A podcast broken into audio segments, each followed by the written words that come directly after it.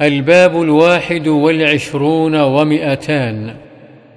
باب فضل السحور وتأخيره ما لم يخش طلوع الفجر. عن أنس رضي الله عنه قال قال رسول الله صلى الله عليه وسلم تسحروا فإن في السحور بركة. متفق عليه.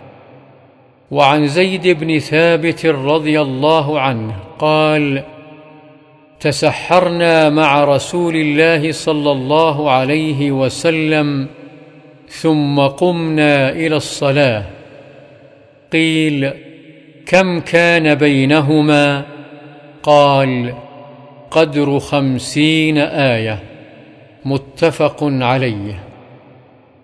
وعن ابن عمر رضي الله عنهما قال كان لرسول الله صلى الله عليه وسلم مؤذنان بلال وابن أم مكتوم.